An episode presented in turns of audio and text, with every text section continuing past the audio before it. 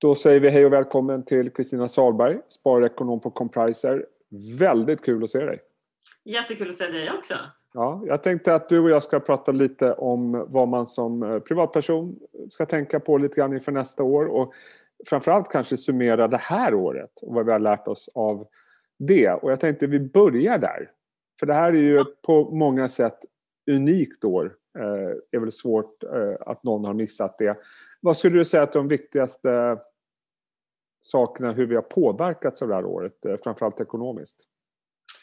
Ja, det har påverkat eh, många mycket. Om vi tittar just på ekonomin så är det många som har blivit varslade, ganska många som blivit uppsagda. Företag har gått i konkurs. Så det har ju varit ett turbulent år för många och något som ingen av oss har eh, varit med om förut. Och den stora lärdomen är väl att vi vet aldrig vad som kommer hända. Eh, vi kan aldrig göra prognoser över hur vår ekonomi kommer se ut. Så för mig som är sparekonom och försöker liksom hjälpa folk med sin privata ekonomi så känner jag ju att, att det är extra viktigt att liksom alltid vara förberedd på att allt kan hända med buffert och sparande och sådär. Så, så att vi vet att vi aldrig vet vad som kommer hända. Och det blir ju det här året en väldigt bra symbol för. För när vi satt där i februari-mars då kändes det som att nu kommer jorden gå under och jag kommer förlora alla mina sparpengar för alltid och börserna rasade. Och sen, whoops sa det, så var vi på plus 12-13 procent på börsen och allt var perfekt. Exakt. Och då, då får man ju höra ofta liksom, om de som gjorde typ bra aktieaffärer, de som förstod det här, de som köpte på botten och sådär. Och det är ju att man får ju alltid höra storyn från, från vinnarna. Det är alltid segrarna som skriver historien. Och, och nu får vi också höra hur, hur, hur det hände och förklaringar till att det är klart att det blev så här med viruset. Det, det rasade först och sen så börjar vi få, eh, få liksom information om att det kommer bli bättre, vi kommer få ett vaccin och så går börsen upp igen. Eh, och, och då blir det lite som att liksom förklara eh, någonting i efterhand och därför tror vi nu när folk gör prognoser för nästa år att ja men okej, okay, då kommer det bli så. Vi tror på prognoser och, och vi, man ska aldrig tro på prognoser för det är helt omöjligt att göra när det kommer till ekonomi eftersom det påverkas av, nu har vi sett eh, virus, det påverkas av väder, det påverkas av politiker och alla möjliga eh, saker. Så det, det, vi ska inte tro att bara för att vi kan förklara det här året, att vad som hände, att vi kan förklara nästa år. Och det, för, för vi pratade lite om det tidigare, jag har pratat med massa förvaltare fram till jul och nyår här och som jag har sagt, jag har nog aldrig varit med om att konsensus har varit så överens. Eller det har verkligen varit superkonsensus på hur allt det här kommer spela ut 2021 med optimismen kring vaccin, det kommer driva upp vinsterna, vi kommer få en högkonjunktur och det kommer bli hur bra som helst allting. Men det är ett litet varningens eh, finger för det alltså? Ja, jag tycker det. Jag tycker att, att det, det, kan hända. Det kan bli ett superår, men det kan också bli ett total eh, kraschår. Mm. Eh, och det är helt omöjligt att veta. Och vi, det man inte ska, man ska ju inte lyssna på experter, eller man ska lyssna på experter, de kan mycket om sitt område, men när experter gör prognoser eh, så har man ju kunnat se genom forskning att de prognoserna är inte bättre än ja, gemene man eller till och med apor som kastar pil. Jag vet att eh, eh, folk som håller på med investeringar hatar att höra det. Men, men så är det faktiskt och därför så tycker jag att det viktiga är att liksom, lyssna på alla experter, bilda dig din egen uppfattning, men gör dig förberedd på att det kan gå åt båda hållen. För det kanske framförallt när alla nu tror att det ska upp också så kanske eh, det blir en rejäl smäll om det börjar sjunka för alla är all in och sen så blir det eh, kaos på Eh, i flocken när det händer någonting sen. Och den här flocken har ju blivit väldigt mycket större senaste tiden. Det är ju väldigt många som har börjat eh, spara eh, i både fonder och aktier och annat, vilket är otroligt glädjande.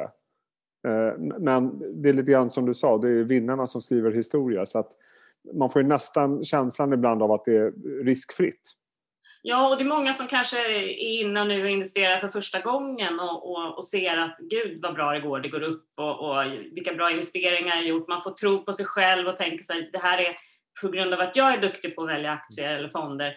Eh, men egentligen är det bara tur eh, och inte så mycket skicklighet. Så jag tror att det är viktigt, framförallt för de som är nya och inne, att de gör en plan. Så här, kan jag sitta kvar med de här pengarna på börsen om det nu rasar 40 procent igen? Eller kommer jag få panik och sälja? För att det viktiga är att du kan ha de här pengarna på lång sikt. Så för gemene man är det så här, minst tre år ska du kunna sitta still och inte behöva sälja om det rasar. Ja, bra lärdom och eh, gå in i 2021 med, hoppas på det bästa men förbereda sig på vad som helst. Det är väl en sammanfattning av det.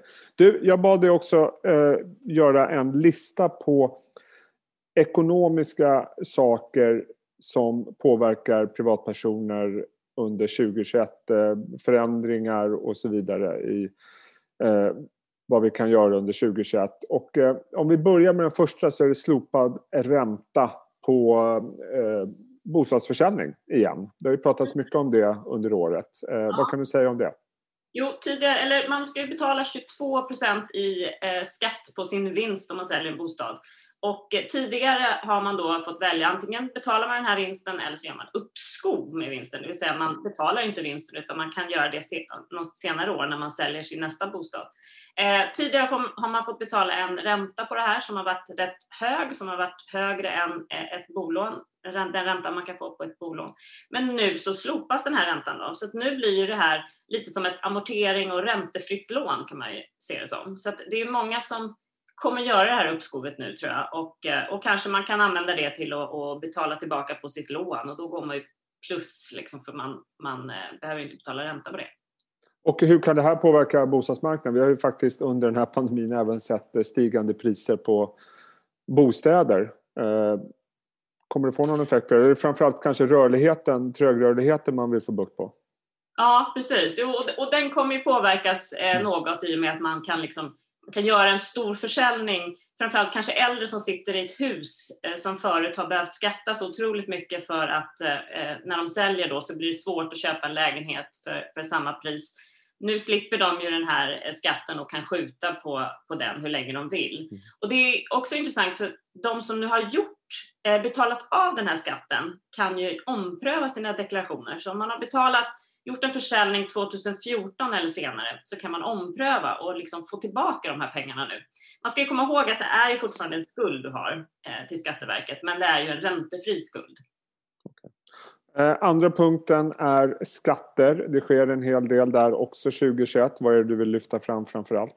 Ja, vi har, eh, det är sänkt inkomstskatt, framförallt för låg och mellaninkomsttagare som kommer eh, gå i kraft. Sen har man också en, tillve, en tillfällig skattesänkning just till de med lägst eh, lön nu för att stötta upp under den här perioden.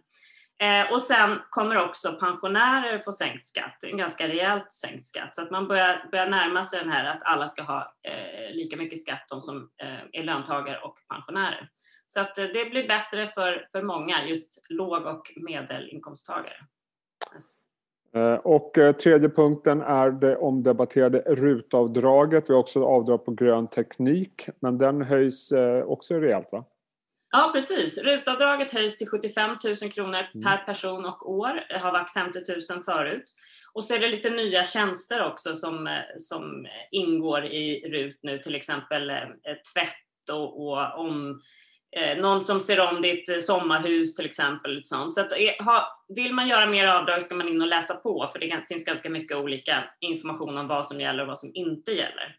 Och, eh, och sen så också då det som, förut har man ju kunnat ansöka om att få bidrag för att installera solceller och laddningsstolpar och sånt där. Men nu blir det ett, ett rutavdrag, så det blir ett extra avdrag på 50 000 kronor som man kan få just för installation av laddstolpar eller solceller etc. Så att, eh, och det kan man få varje år då, så om man vill göra eh, installationer på det här så kan man sprida ut det så att man kan göra varje år. Och det är per person också, så att man får okay. dubbelt om man är två stycken i ett hushåll till exempel. Och det gäller från när då? Är det från första januari som det här gäller eller? Den kan vara från april, jag är lite osäker. Okay. Eller så är det första januari. Nej, det är första januari. Ja, okej, okay, bra. Eh, då vet vi det. Och sen har vi då eh, sista punkten som består av ett antal punkter. Det är förändringar som sker som en direkt konsekvens av eh, corona. Och den första punkten där det är slopat karensavdrag. Precis. De slopade det här karensavdraget i våras när vi fick viruset till oss just för att man ska kunna vid minsta symptom stanna hemma utan att det ska bli för dyrt för oss. Och den, den kommer nu finnas till sista april. Och alla de här sakerna är ju sånt som regeringen säger att det kan förlängas igen beroende på vad som händer. Men nu har den förlängts i alla fall till, till sista april. Och sen har vi även eh, slopat eh, amorteringskrav.